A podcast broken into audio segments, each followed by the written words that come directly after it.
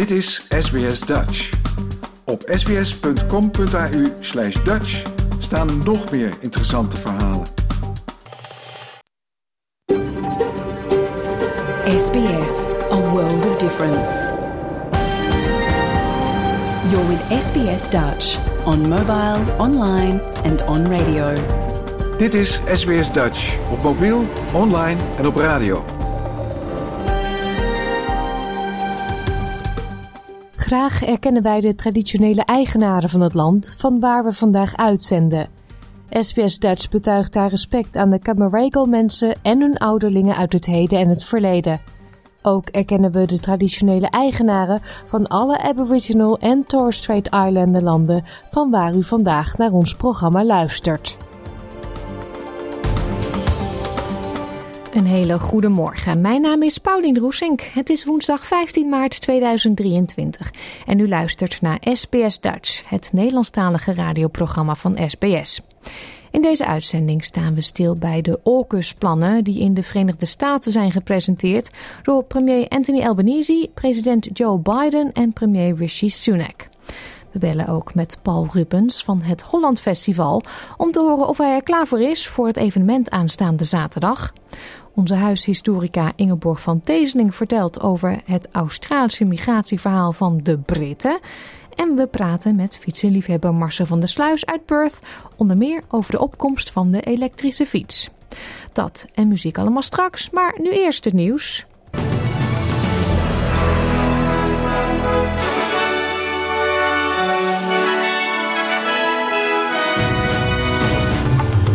Dit zijn de headlines van het SBS Dutch Nieuwsbulletin van woensdag 15 maart.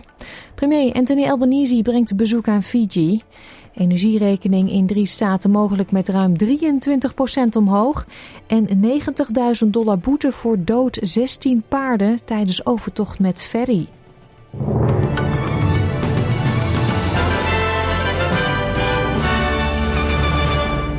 Premier Anthony Albanese brengt vandaag een bezoek aan Fiji om bilaterale gesprekken te voeren met zijn tegenhanger premier Steveni Rabuka. Het is voor het eerst dat de premiers elkaar zullen ontmoeten. Albanese zegt dat Australië en Fiji een warme vriendschap hebben en natuurlijke partners zijn.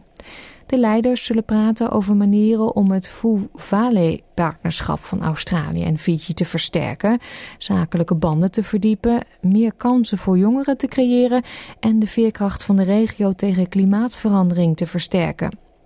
Naar verwachting zal de premier van Fiji later dit jaar een bezoek brengen aan Australië. Huishoudens in drie staten krijgen te maken met een energieprijsstijging tot wel 23,7 procent als de ontwerpbepaling van de Australian Energy Regulator definitief wordt. De toezichthouder zegt dat voor residentiële klanten met een standaard retailplan de energierekening omhoog kan gaan met 19,5 tot 23,7 procent, afhankelijk van waar ze wonen. Deze verhogingen van het Default Market Offer, of DMO, zullen begin juli ingaan. De DMO fungeert als een vangnet voor elektriciteitsprijzen en bepaalt de maximale verhoging voor huishoudens en kleine zakelijke klanten met een standaard retailplan in Zuid-Australië, New South Wales en Zuidoost-Queensland. Na een consultatieperiode zal de toezichthouder zijn definitieve tarieven voor het jaar bepalen. Minister van Defensie Richard Miles noemt de AUKUS onderzeeëndeal noodzakelijk. De deal komt op een moment dat China zijn eigen militaire capaciteit aan het opbouwen is tot een niveau die sinds de Tweede Wereldoorlog niet is gezien. Volgens Miles heeft Australië in aanloop naar de aankondiging van dinsdag contact opgenomen met China. De defensieminister zegt dat Australië moet investeren in veiligheid in de Indo-Pacific regio, maar noemde in die context China niet. We're investing in our defence force and we are increasing our capability, our military capability. And we anticipate that we will spend more on defence going forward. That's a big thing to do.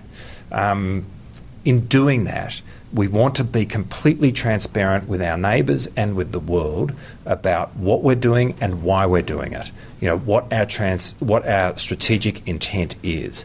You know our concern about other military build-ups is that they happen in a manner which is opaque, uh, and where neighbours are, are, left uneasy as to why it is occurring. Um, that is why we have gone to such an effort to make clear exactly why we are taking the steps that we're taking. Chinese functionarissen hebben ook gereageerd op de AUKUS-aankondigingen. Wang Wenbin, woordvoerder van het Chinese ministerie van Buitenlandse Zaken, benadrukte dat deze deal betekent dat beide landen het verkeerde en gevaarlijke pad verder bewandelen voor hun eigen geopolitieke eigenbelang. Wang zegt dat de AUKUS-overeenkomst een bedreiging vormt voor nucleaire proliferatie, een claim die China eerder ook al maakte. 美英澳建立所谓的三方安全伙伴关系。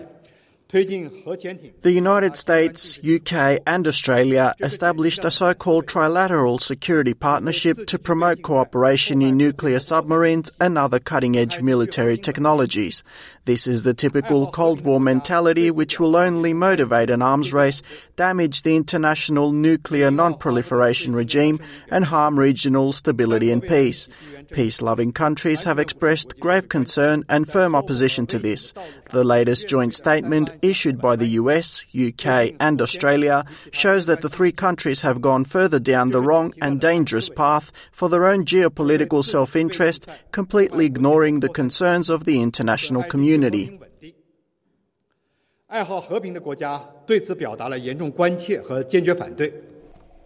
de stijgende kosten van levensonderhoud hebben geen invloed gehad op illegaal drugsgebruik in Australië. Hoewel uit de laatste afvalwatermonsters van de Australian Criminal Intelligence Commission blijkt dat het totaalverbruik met ongeveer 10% is gedaald ten opzichte van vorig jaar, schrijft de commissie die daling toe aan in beslagnames van drugs.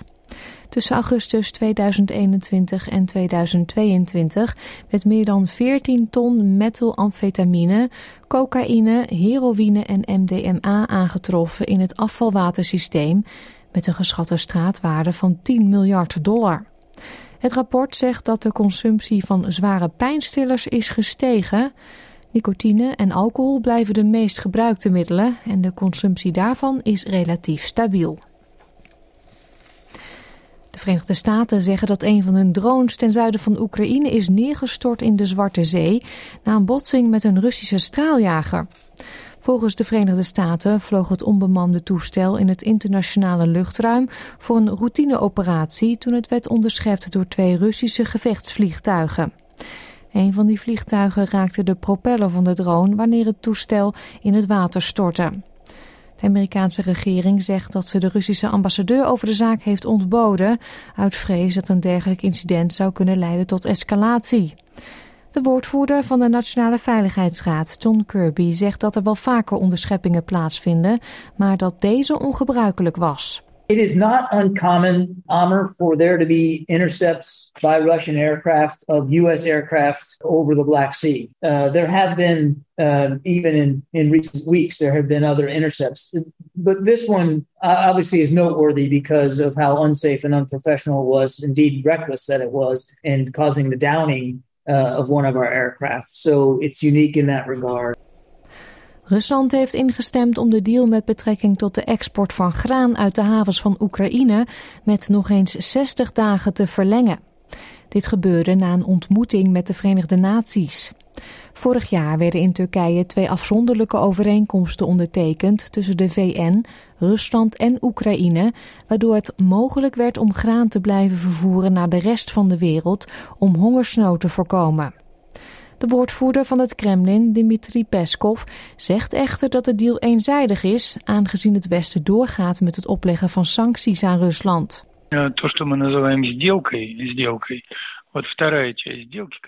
What we call the grain deal, the second part of that deal, which concerns us, is not being fulfilled. We appreciate the efforts made by the United Nations, personally by the Secretary General, but despite this, Mr. Guterres unfortunately failed to break through the blank wall of the collective West. The conditions that were agreed upon as an integral part of the transaction have not been met. So, in general, as you understand, the deal cannot stand on one leg. Therefore, in general, of course, the conditions for an extension are relative. But this is, of course, a kind of gesture of goodwill on the part of the Russian Federation.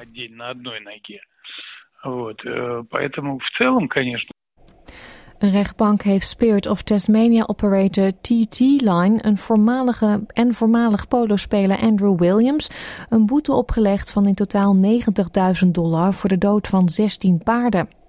De dieren werden dood aangetroffen in een koelwagen terwijl ze in januari 2018 van Tasmanië naar Victoria werden overgebracht.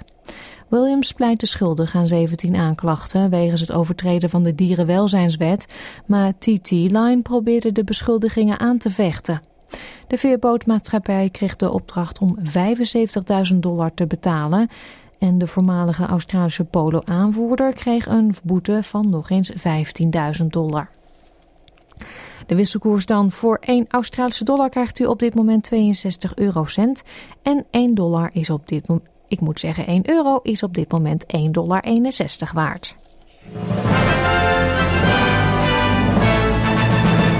Kijken we natuurlijk ook nog even naar de weersverwachting voor vandaag. Het is zondag in Perth, 31 graden. Adelaide gedeeltelijk bewolkt, 30.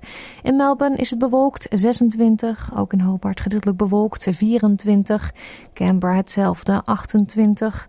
Meer bewolking in Wollongong, 27.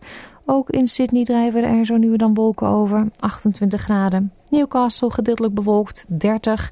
Brisbane daar meer bewolking, 32. Het is overwegend zonnig in Cairns, ook 32 graden daar. In Darwin buien mogelijk met onweer, 31. En in Alice Springs schijnt de zon volop en wordt het maximaal 39 graden. Dit was het SBS Dutch Nieuws.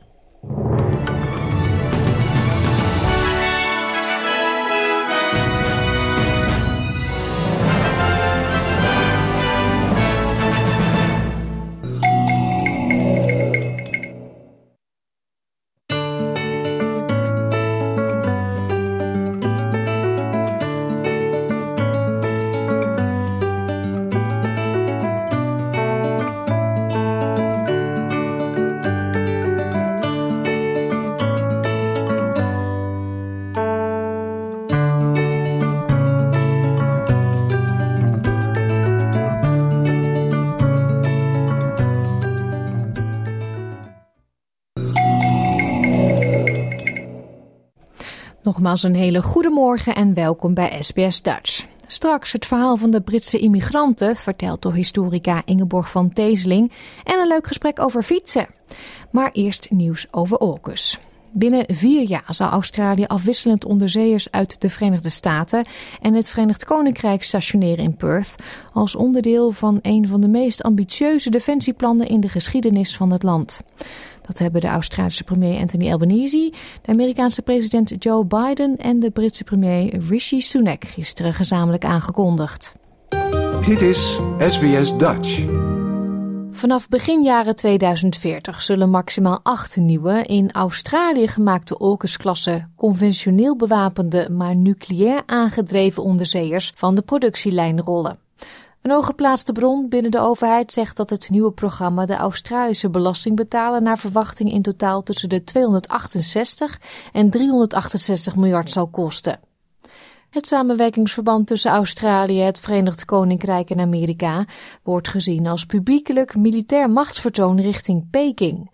President Joe Biden zegt dat de deal gaat over het waarborgen van stabiliteit in de regio.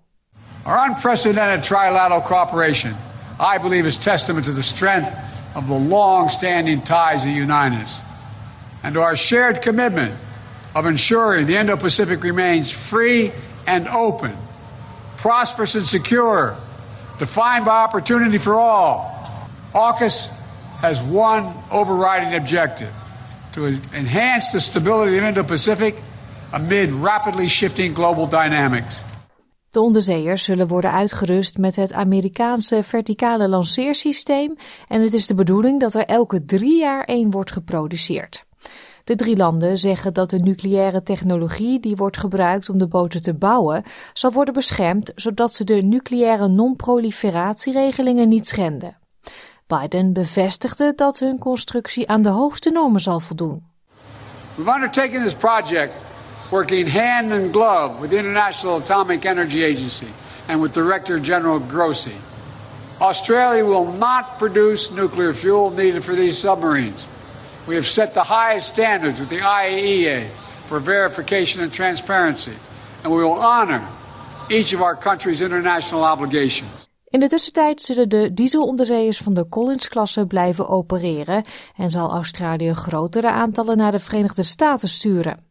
Premier Albanese zegt dat Australië al een handvol mensen in opleiding heeft, maar dat het tenminste duizend mensen zal moeten recruteren om de kennis in huis te halen die nodig is om de onderzeeërs te bedienen. Already, today, Australians are upskilling on nuclear technology and stewardship alongside their British and American counterparts. Already, today, there are Australian submariners undergoing nuclear power training in the United States, and I'm proud to confirm, Mr. President, that they are all in the top 30% of their class. In de geplande SSN-AUKUS onderzeeën wordt de technologie uit alle drie de landen samengebracht met een Brits next-gen ontwerp en belangrijke Amerikaanse technologie. Tot die tijd zullen de VS en het VK bij toebeurt nucleaire onderzeeërs naar Australië sturen en zal er personeel worden geworven om de boten in eigen land te leren gebruiken.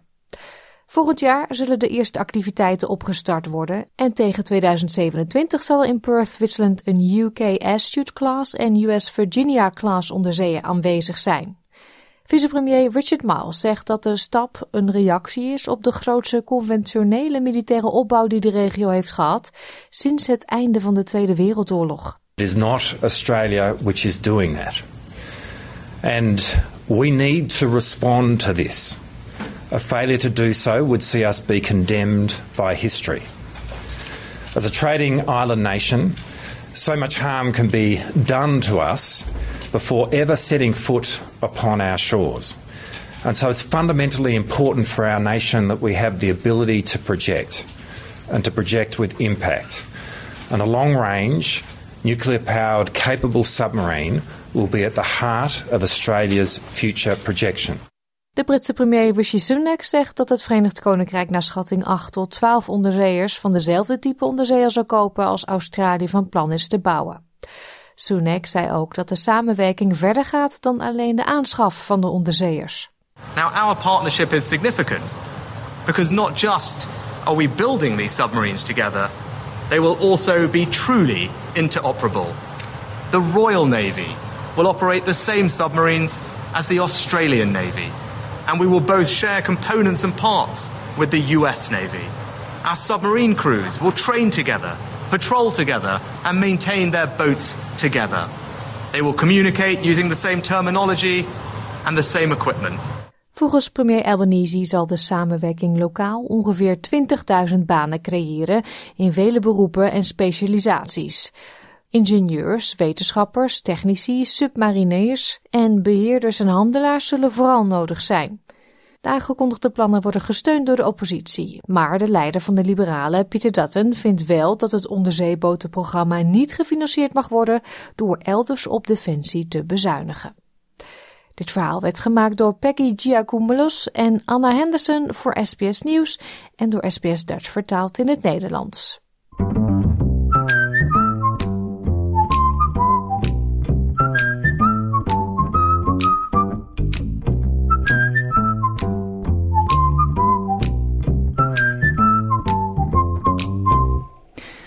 Over drie dagen kleurt de Barrick in Victoria weer oranje. Dan is het Holland Festival namelijk terug van weg geweest... na drie jaar afwezigheid door de COVID-19-pandemie. Voor liefhebbers van haring, versgebakken stroopwafels en een potje sjoelen...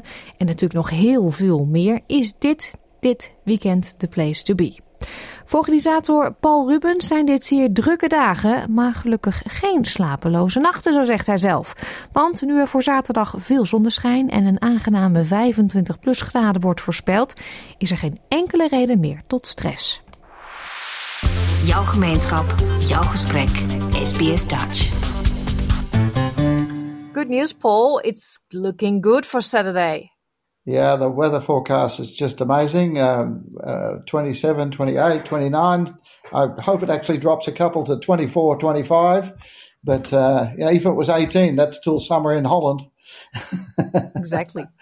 So uh, now expecting a beautiful day. We've got uh, lots of tickets sold already, and uh, what I really loved is that I do, I do the ticketing as well. I keep an eye on it, and ninety percent of the names are Vonda What and Vonda Dit, and there's just Dutchies are coming out from everywhere. So I'm expecting a well, we are. We're going to have a really Dutch audience, uh, the whole lot. Yeah, yeah. Uh, I could see that because you, I see all the names. Yeah.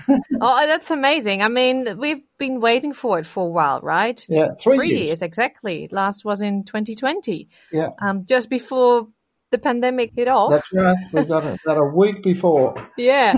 So um, probably everyone is very excited to just come together and enjoy everything Dutch. Yeah. Um, are you having sleepless night, or is everything going smoothly? It's going really smoothly. I, I have to admit that the four, the three I've run beforehand, I had a lot of sleepless nights, but this time um, I'm sleeping really well. I, you know, lots of work every day, uh, but um, you know, because I've got such a good, t- such a great team behind me, and, and I just trust everything they do, and we're doing it as a team for the third time, so we really know each other and we know what needs to be done, and you know, we've got we've got all the IP on in Dropbox, so we all can just collaborate beautifully. So I really don't feel stressed at all right now, and uh, you know, I suppose the only stress was the possible bad weather, but that's in my mind that's gone. And I know we've been marketing really well to the Dutch community and just the buzz we've got. We've got a lady doing our, so, our social media, Barbara Caulfield. She's just, you know, she's just hooked into everybody. So I'm really comfortable. Yeah, and I read a couple of weeks ago there was a bit of a herring stress, but that's gone too, right? Yeah, the herring guy has told us we will have herring. Yes. I, I Yes, I love my herring. I love it. I'm not going to eat for the from from tomorrow morning. I'm not eating until Friday. yeah, because of course um, the Holland Festival is is there's a lot of food um, from yeah. to oliebollen, kibbelingen, stroopwafels, etc. You can buy your chocomel. There is this shop, um, but yeah. it's gonna be just being together and just enjoy your time. A lot of that, yeah. We have we have a, a beautiful area put aside for for um, in front of a stage. We build, we're building a, a stage this time, and we have live entertainment all day. And I, and while we do have a couple of bands, the bands are Dutch. Uh, one of them isn't actually, uh, sorry, uh, but all the other things are things like the zing, the the choir is going to be singing. So it's not just we're not just going to have some you know some singers singing old favourites up there. Uh, Zoda Kroos is, uh, sings old, you know, modern Dutch um, uh, pop music, uh, but in Dutch. So I think it's it's going to be it's different sort of entertainment, but that's what we want to do. We want to stay different, and uh, mm-hmm. we've got uh, five or six really interesting exhibitions this time. which there's one about um, Dutch immigration to Australia for, over the over the 50, 100 years. Uh, we've got uh, a small Anne Frank exhibition uh, and things like that. Also, the Dutch Courier. They, they, I'm not sure if Carol, who runs the Dutch Courier, she's uh, she's putting an exhibition of 50 years of Dutch Courier headlines. I'm looking forward to seeing what she's put together and things like that. So I hope it's a little bit more than just buying food, and and uh, we're really set up for the kids as well. Uh, we have lots of things. Of course, we have the famous Schulbach competition, Mm. There's about a thousand dollars worth of prizes over three divisions there, so uh, that gets very competitive in the last hour of the day. People with good scores who are just coming third or fourth come keep on coming back and wanting to be first. Uh, yeah, people who don't know about the festival, it's in Berwick. Can you come by public transport, or do you have to take the car? Uh, well, uh, I suppose we're about three or four kilometres from the closest station. Uh, so really, uh, you know, for most people, I think that's a bit a bit of a walk. So, but uh, you, know, you can uh, certainly arrange an Uber or a taxi from there. Uh, but yeah, we're right on the Princess Highway. Berwick is not close to the city; it's it's probably forty five kilometres out, but it's part of the metropolitan Melbourne. And uh, I think we're also like very central to where Dutch immigration was in the 1960s and 70s. So there's a lot, you know, and our market is, it's the second and third, and even now the fourth generation of Dutchies who just want to keep, keep connected. And, and that's our market now. You know, uh, most of the Omars and Opas have passed away. Uh, but those next generation, they they all feel Dutch. Uh, they, they, yeah, they stick with their heritage, and uh, most of them just love the Dutch food, and, and I do too. We're even having a couple of dorpwinkels this time. You know, like setting them up with puntsokken. Zelf scheppen? Ja. Ah. Oh, and something you mentioned last time when we uh, yeah. had a chat, uh, of course, the croquetten uit de muur. Yeah, we have only one machine. It's not a very large one, but it's still a good size one. They will have that loaded up all the time with uh, croqueta and I think also frikandel. Yeah, amazing. Yeah. Well, we will see each other on Saturday. I'll be there okay. with my microphone and I'm going to follow you around. okay. People can hear that next week. Okay. Well, I'll introduce you to some very interesting people too. Great. Well, good luck with the last bits and pieces. Thank you very much. Thank you. Een link naar de website van het Holland Festival vindt u op www.sps.com.au Dutch. En u hoorde zojuist Paul Rubens. In onze serie Australië tot nu toe hebben we het met historica Ingeborg van Teeseling al vaak over migratie gesproken. Vaak ging het dan over landen die ver afstaan van Australië, zoals de Balkan, Azië en dus ook Nederland. Maar lange tijd was het grootste deel van de migranten in Australië afkomstig uit Groot-Brittannië. Ingeborg vertelt vandaag over de campagne Bring on the British, die de Britten ervan moesten overtuigen om de grote oversteek te maken. Dit is SBS Radio Dutch. Ja, nou ja, we hebben het natuurlijk inderdaad vaak over die enorme golf migranten die na de Tweede Wereldoorlog naar Australië kwamen. Want in ons hoofd begon daar het multiculturalisme. Dat is natuurlijk ook zo, maar dat was in het begin natuurlijk helemaal niet de bedoeling. Integendeel eigenlijk al tijdens de oorlog werden er allerlei plannen gemaakt om zoveel mogelijk witte Britse migranten naar Australië te halen. Want we hadden niet genoeg mensen, een boos Azië was veel te dichtbij. En om een beetje mee te kunnen in de moderne vaart der volkeren, was het nodig om minstens te verdubbelen. Dus het plan van Arthur Colwell, de minister van immigratie onder Ben Chifley was om de zonen en dochters van het moederland, Engeland dus, uh, zo snel mogelijk hier naartoe te halen. Dan konden ze helpen om een eerste klas ras op te bouwen, zoals hij dat toen zei. Dat kon je toen nog zeggen.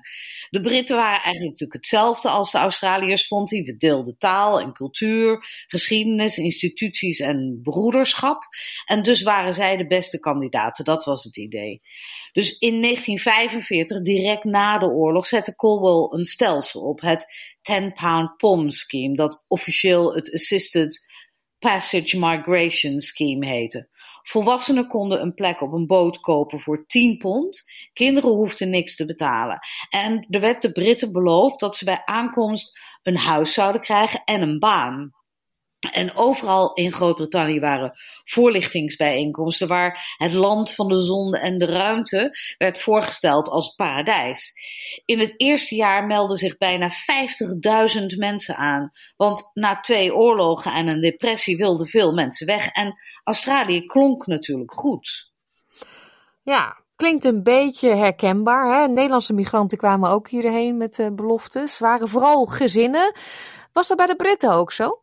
Uh, nou, niet in het begin. Kijk, Australië had als eerste grote behoefte aan bouwvakkers. Dus op het eerste schip zaten vooral alleenstaande mannen. Die waren, net als alle Britten trouwens, geïnterviewd op Australia House in Londen live, zo te zeggen. En dat was vooral zodat de Australiërs konden zien dat ze wel echt wit waren. Want dat werd wel verondersteld met Britten, maar dat was natuurlijk geen garantie. En als je niet wit was, dan werd je niet toegelaten die eerste 200 of zo mannen op de Larks Bay, zo heette die boot, die in januari 1947 in Fremantle aankwamen, werden wel met open armen ontvangen. Die, de gouverneur-generaal was er. En de baas van de West-Australische Labour Party. Zij legden allebei de nadruk trouwens op de gezamenlijke oorlogservaring, die natuurlijk net voorbij was. Jullie hadden de moed om zes jaar oorlog te doorstaan. En dus hebben jullie ook de moed om goede Australiërs te worden, zei de Labourman. En het antwoord van een van de Britse bouwvakkers was dat hij zij aan zij met de Australiërs gevochten had tijdens de oorlog. En uh, tegen de tijd dat ik in Tobruk was, voelde ik me Australiër, zei hij. Nou ja, dat klonk natuurlijk goed. Ja, maar ik ken jou. je hebt vaker mooie verhalen verteld. Als jij zegt dat iets goed is, dan uh, gaat er iets gebeuren nog, denk ik. Ja, nou ja, kijk, er was natuurlijk waar natuurlijk een paar problemen. En dat, die hadden met de voorlichting te maken. Er waren huizen en banen beloofd. En in plaats daarvan werden de mannen ondergebracht in legerkazernes. En moesten ze in de rij staan voor witte boterhammen met nepjam en vieze koffie. En de douches waren gedeeld en ze hadden niet genoeg water. En de banen waren maar matigjes. En zij hadden moeten betalen voor hun passage. Terwijl de andere migranten, die ook steeds meer binnenkwamen, zoals mensen uit de vluchtelingenkampen waar we het eerder over hebben gehad, en de Nederlanders, vaak gratis reisden. Dus al snel gingen die Britten de straat op. Er waren demonstraties en vechtpartijen met de politie en hele, hele boze brieven in de kranten. En daar moest Colwell natuurlijk iets op verzinnen. En zijn oplossing was het in leven roepen van de Good Neighbor Council, de Goede Burenraten. Zij moesten de migranten gaan helpen om goede Australiërs te worden. En hoewel officieel de nadruk lag op welkom heten en feestjes organiseren, was eigenlijk het doel in de praktijk vooral assimileren. Hetzelfde worden als, als de Australiërs en vooral niet zeuren. Zoals Colwell het uitdrukte, ging het om de migranten te veraustraliseren, als dat een woord is. En dat kon het beste, zei hij, door persoonlijke vriendschappen, burenhulp en meetines. Het hoofd van een van die councils, Richard Boyer, die toen ook baas van de uh, eh, ABC was, had het over enthousiasme voor onze gemeenschappelijke Britse achtergrond en de gezonde Australische karakteristieken die we op die achtergrond hebben geënt. Het doel was natuurlijk, en zelfs toen al, de Australian Way of Life, wat dat dan ook mag wezen. Volgens hem, volgens Boyer, betekende dat trots en patriotisme de gehoorzame en respectabele burgers die niets liever willen dan menselijk kapitaal worden voor de natie. Nou, nou, dat zijn grote woorden. Ja, en ze werden nog groter toen Robert Menzies vlak daarna minister-president werd. Want hij was een groot fan van Groot-Brittannië. En daardoor haalde hij een soort ingewikkelde truc uit. De Labour-regering had in 1949 een Australisch paspoort geïntroduceerd. Maar Menzies schafte dat meteen weer af, want hij zei... De grenzen van Groot-Brittannië vallen niet aan de kust bij Kent, maar in Cape York en in Invercargill. We zijn allemaal Britten, mannen en vrouwen van de koning. De anderen natuurlijk vielen onder een nieuwe wet, de Aliens Act, de Vreemdelingenwet. Eh, want dat waren geen Britse onderdanen en dus moesten ze ook langer wachten tot ze staatsburgers konden worden.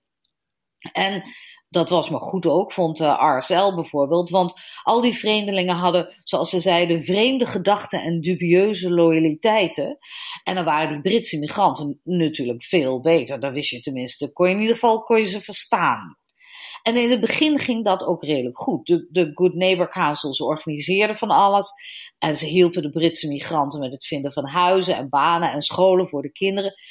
Kijk, dat was natuurlijk eigenlijk werk dat de overheid had moeten doen. Maar nu werd dat overgedragen aan organisaties zoals de Rotary en de Country Women's Association. Die vielen voor dit doel onder de councils. De councils lieten ook een boek maken, het handboek van de organisatie, waarin ze probeerden uit te leggen wat er van de migranten werd verwacht en wat die Australian Way of Life nou eigenlijk was. Iedereen had daar een andere definitie van.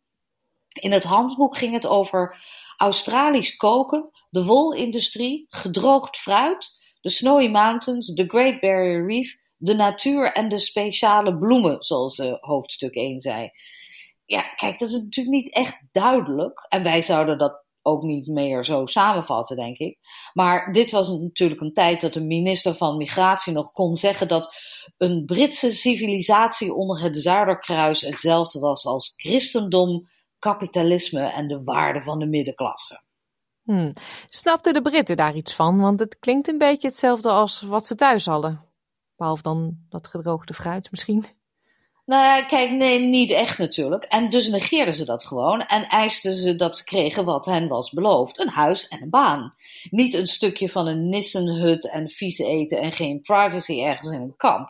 Dus ze gingen weer de straat op en dat irriteerde mensen ongelooflijk. Hij beschuldigde ze van zeuren.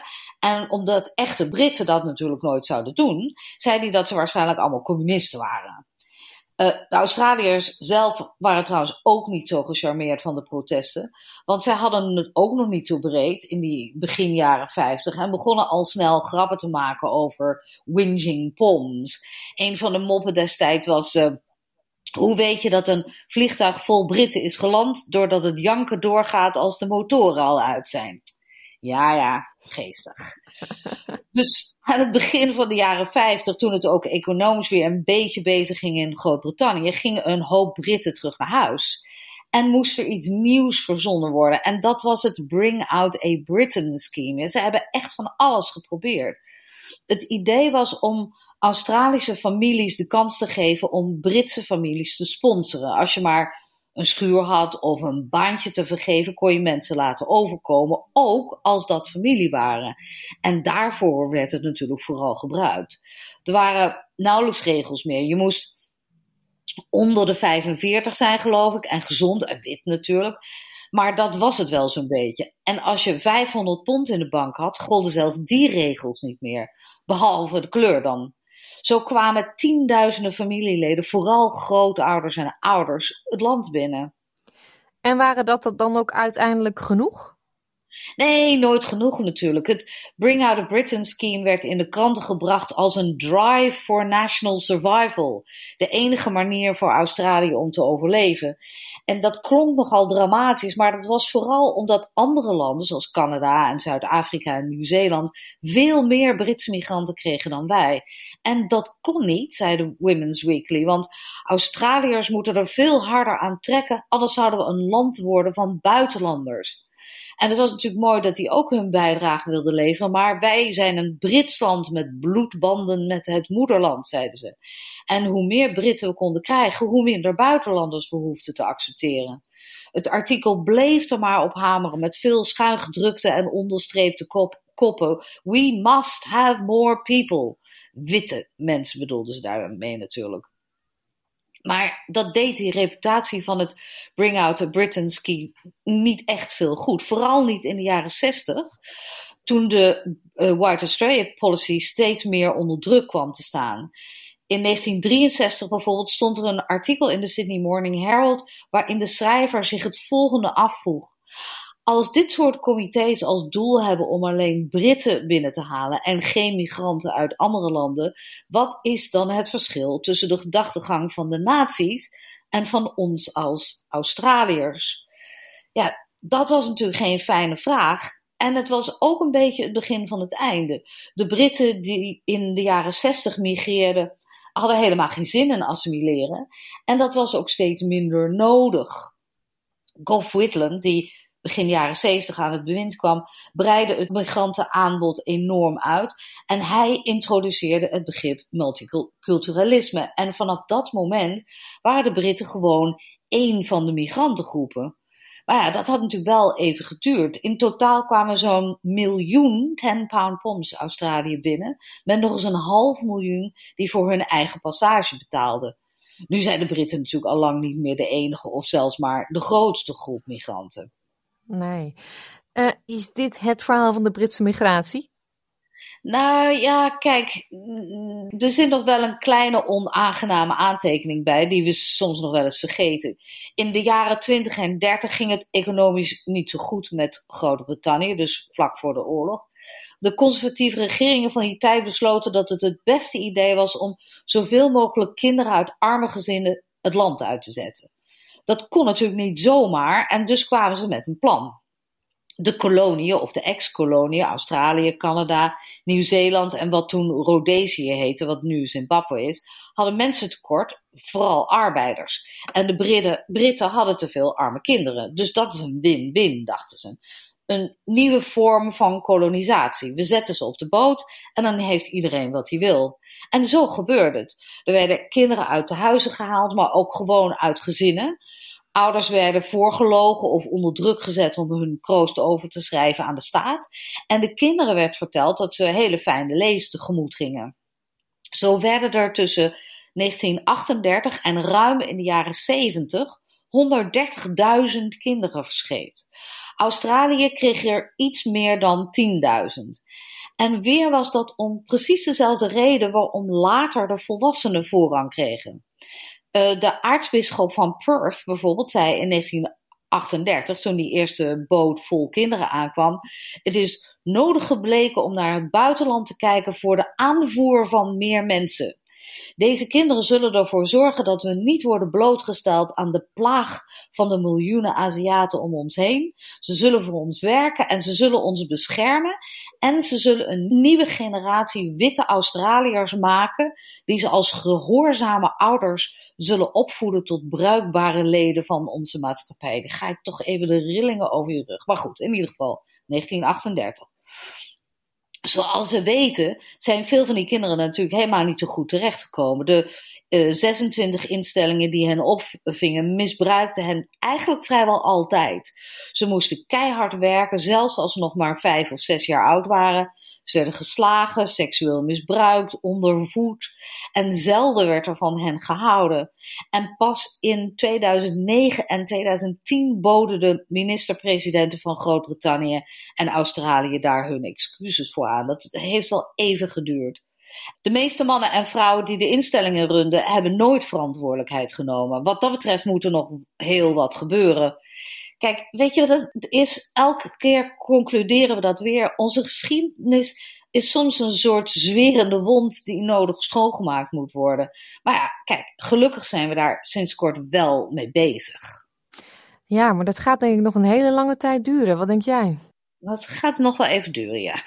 Verantwoordelijkheid is altijd lastig op te nemen. Ja, dankjewel Ingeborg. Graag gedaan.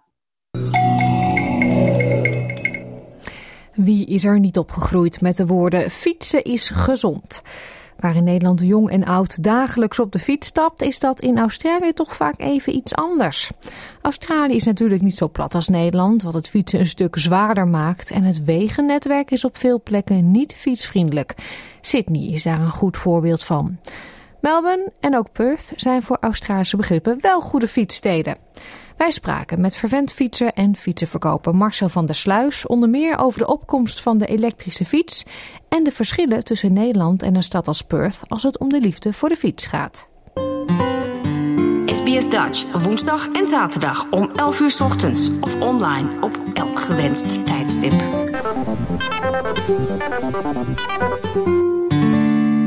Marcel, zodra jij begint te praten, dan eh, weet iedereen dat jij wel uit Amsterdam komt. Uh, jij bent eigenlijk opgegroeid uh, tussen de fietsen dan? Helemaal, ja natuurlijk. ja, als klinkt toen ik drie jaar oud was, toen we al mandelen gedraaid waren, toen werd ik wakker. En er stond er een klein fietsje voor me. Als cadeautje, Beterschapscadeau. Ja, als cadeautje, Dus gauw beter worden en op de fiets, weet je, als klein, klein jochie. Ja, en heb je altijd liefde voor fietsen gehad? Altijd uh, veel, ja, veel gefietst in Nederland. Ik bedoel, uh, je ging door alle stages heen uh, van fietsen. Dus op een gegeven moment was je een jaar of twaalf. Toen was het, de chopper-series waren toen erg populair. Dat was met een klein wieltje voor en een groot wiel achter. En een beetje hoog, hoog stuur erop, weet je. En ja, dan ging je als jochie ging je fietsen. Maar ja, dan even later ging het op de fiets naar school toe. Um, ja, en toen je ouder werd, ging je natuurlijk op de brommer. Maar ik bedoel, uh, altijd wel gefietst in Nederland hoor. Altijd. Al, ja, het was het enige vervoer dat je had uh, toen je nog geen, geen brommer rijden mocht, hè? Nee, en Amsterdam is denk ik wel voor uh, de meeste toeristen en misschien ook wel gewoon voor Nederlanders die daar niet gewend zijn te rijden, een verschrikking. Ook eigenlijk om te lopen, want je wordt van alle kanten, denk ik, door fietsers benaderd. Um, is het het toeval dat jij nu in Perth dan in een uh, elektrische fietsenwinkel werkt? Nou, het is, dit is, het is, ja, je kan zeggen, het is een toeval. Um, ik was bedrijfsleider ergens anders voor 17 jaar lang. En ja, het bedrijf ging door veranderingen heen. En toen, uh, ja, toen werd ik redundant gemaakt op dat moment. En toen heb ik even een tijdje niks gedaan. En toen zag ik deze, deze baan openen uh, om, een, uh, een electric bike shop te managen. Ik denk, nou ja, ik bedoel, elektrisch ben ik vrij technisch. Dat heb ik jaren gedaan in, in het ja, werk daarvoor. En en fietsen, ja, dat, dat, deed ik hier ook al. Ik heb uh, twee, drie fietsen. Ik rij, ik rij mijn racefiets reed ik bijna elke dag naar het werk toe. Dus fietsen, ja, toevallig. Ik denk, hé, hey, het is weer eens een, uh, een challenge, noemen ze dat. nou, je bent niet de enige, want ik las toen ik mijn huiswerk deed, zeg maar, dat één op de vier mensen in Perth in 2020 wekelijks op de fiets zat. Dus er wordt bij jou veel gefietst. Er wordt ontzettend veel gefietst hier. En de infrastructuur voor het fietsen wordt steeds beter ook. Ze zijn nu op het moment, ik weet niet of je dat weet, langs de Mitchell Freeway. Het is de, is de grote freeway die van Perth, helemaal, van Perth helemaal naar het noorden gaat. En die zijn ze helemaal aan het, uh, ja, uh, fietsenpaden aan het aanleggen en aan, aan het verbeteren. Dus als mensen nu naar het werk, werk willen rijden, dat het makkelijker gaat. En ze willen dat het verkeer natuurlijk minder wordt. Want ik, ik zat net zoals, je, zoals ik zei, ik zat op de weg. De freeway die zat vijf banen dik. En het, is, nou, het was negen uur en het zat stampvol. Dus als je op de fiets naar het werk zou gegaan zijn, ja, dan gaat het allemaal voorbij, heel makkelijk. En ja, je bespaart jezelf een hoop ellende, weet je. Je zit niet in de file, je wordt fitter, je hebt de vrijheid. Het is ontzettend goed natuurlijk, dat fietsen. En het wordt steeds meer populairder. Dat kun je gewoon merken. Ja, de, de, de Aussies die, die zien ook wel dat dat uh, voordelen heeft. En merk je ook, want dat zien we in Nederland en daar horen we ook wel veel geklagen over, dat de elektrische fietsen, sorry, die verkoop jij, dat dat, um, dat dat in opkomst is bij jullie. In Nederland is dat zo en ja, die fietsen kunnen soms heel hard en daar schrikken mensen een beetje van, want je hoort ze niet. Hoe is dat in Perth? Nou, kijk, zo even om alles een beetje goed neer te zetten. De wet in Australië is dat een elektrische fiets is gelimit tot 25 km per uur uh, geassisteerd te fietsen. Dus alles over 25 moet je zelf doen, maar tot 25 km per uur word je geholpen door, door het elektrisch systeem natuurlijk. Daar staat de wet voor. Er worden natuurlijk fietsen geïmporteerd uh, uit andere landen. Ja, en die gaan sneller. Maar daar is natuurlijk in West-Australië zijn ze, is de politie. Uh, ja, die proberen dat natuurlijk allemaal een beetje te controleren en in de hand te houden. Want het is allemaal illegaal. Je mag, eh, de wet zegt, een 250 watt elektrische motor. En dat mag maar gaan tot 25 km per uur geassisteerd fietsen. Ja, dus daar zitten ze hier wat meer bovenop dan in Nederland. Zoals met wel meer dingen, denk ik. Um, ik geloof de wet is hetzelfde als in Nederland. Uh, mag je ook maar tot 25 km per uur geassisteerd fietsen. Maar dan hebben ze die andere wet ook nog, fietsen die 50 km per uur gaan. Maar ja, die moeten dan weer een, um, hoe noem je dat hebben? Een license hebben, weet je. Die moeten, uh, die moeten geregistreerd zijn. En daar moet je voor betalen. Dus, maar een elektrische fiets die tot 25 km per uur geassisteerd is, um, is uh, gekwalificeerd als een normale fiets. Ja, en merk je verschil tussen de liefde voor de fiets tussen Australiërs en Nederlanders? Ik denk dat menig Nederlander is opgevoed dat hij zelf zijn band kan plakken. um, en anders ga je naar de fietsenmaker. Uh, hier persoonlijk aan de oostkant, in de deel van Sydney waar ik woon, zie ik een menig fiets gewoon uh, aan de weg gegooid worden als er council clean-up is, bijvoorbeeld.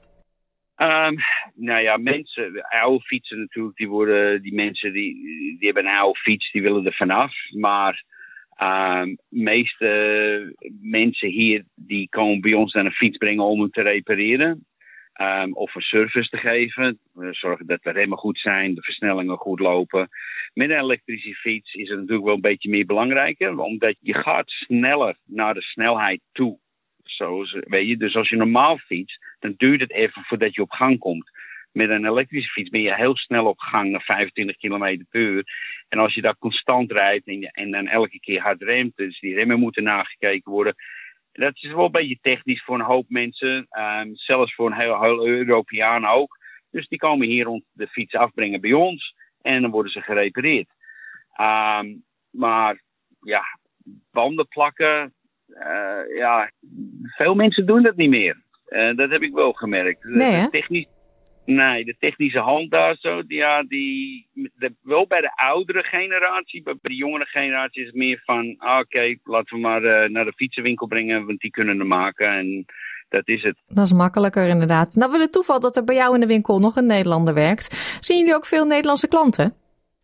We zien, uh, we hebben Nederlandse klanten, ja, toevallig wel. Uh, en we hebben ook veel, omdat we ons merk is zijn van Duitse fietsen ook. En, en we hebben veel Europeanen, um, Spanje, Turkije, Duitsland, België, Frankrijk, Brazilië. Weet je, klanten van de hele wereld eigenlijk komen door de winkel heen. Um, maar veel Nederlanders, ja, omdat we vroeger hadden we, we een merk Gazelle, dat is natuurlijk erg bekend in Nederland. En dat verkochten wij. En ja, dat bracht natuurlijk een hele de Nederlandse gemeenschap samen, weet je. Gezellenfiets, gezellenfiets. Dus dat was wel leuk. En ja, die, die, die klanten staan er, hebben nog steeds die fietsen. En ja, die komen altijd nog even naar de winkel toe, even een service doen eens per jaar. Ja, jij zegt dat je zelf nog heel veel fietst. Uh, wat vind je nou het allerlekkerste aan het fietsen? Het lekkerste van het fietsen is gewoon de vrijheid. En het is ontzettend goed voor je gezondheid. Ik bedoel, het is een lage vorm van impact exercise. Dus ontzettend goed voor het lichaam, voor je bloedsomloop. Weet je, het is niet uh, hard op je, op je lederen, laat ik het zo zeggen. Al je knieën, je armen, weet je. Ik bedoel, het is gewoon lekker. Je, je fietst gewoon, je hebt de vrijheid. Je voelt de wind door je haar. Um, als ik fiets langs, het, langs de, de kust bijvoorbeeld, en dan zie je de oceaan. En, en dat zie je niet in, in een auto, kijk je even, maar je moet je ogen voorhouden. Maar als je fietst, dan kun je lekker relaxed, dan neem je alles op. En het is gewoon, ja, de, ja, het is fun, noem ik zeggen. Het is veel plezier. Het is goed voor je gezondheid. En beter kan het niet, vind ik. Weet je, je, en je zit niet in het verkeer. Ja, dan ben je al heel wat jaartjes weg uit Nederland en Amsterdam. Zou je daar nog de fiets op durven stappen?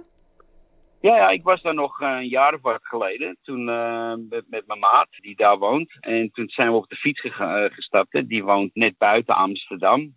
En um, ja, toen zijn we door de hele polder gefietst naar Landsmeer, Den Ille. Toen zijn we naar Purmerland gegaan, Purmerend. Toen zijn we weer over de dijk teruggereden naar Amsterdam. We hebben door Amsterdam gereden. Ik geloof dat ik iets van 100 kilometer reed die dag. nou, en je hebt het overleefd. Want dat is toch even anders dan in WA, lijkt me. Ja, maar het fietsen, als je eenmaal fietsen kan, en ja, ik ken Amsterdam natuurlijk. Ik, het, het, het, maakt mij weinig uit of ik naar hier fiets of in Amsterdam fiets. Het is wat drukker natuurlijk. Maar ik bedoel, uh, ja, verleer je nooit natuurlijk. En zo is het maar net. Dat was Marcel van der Sluis. En tot zover deze uitzending van SBS Dutch. Op onze website www.sbs.com.au Dutch kunt u al onze verhalen en podcastseries terugluisteren. Of download de gratis SBS Audio app in de App Store of Google Play. Dit uur sluiten we af met Bagagedrager van Gers Pardoel en rapper Sef. Ik wens u een hele fijne middag en heel graag tot zaterdag. Wil je nog meer soortgelijke verhalen? Luister via Apple Podcasts, Google Podcasts, Spotify of waar je je podcasts dan ook vandaan haalt.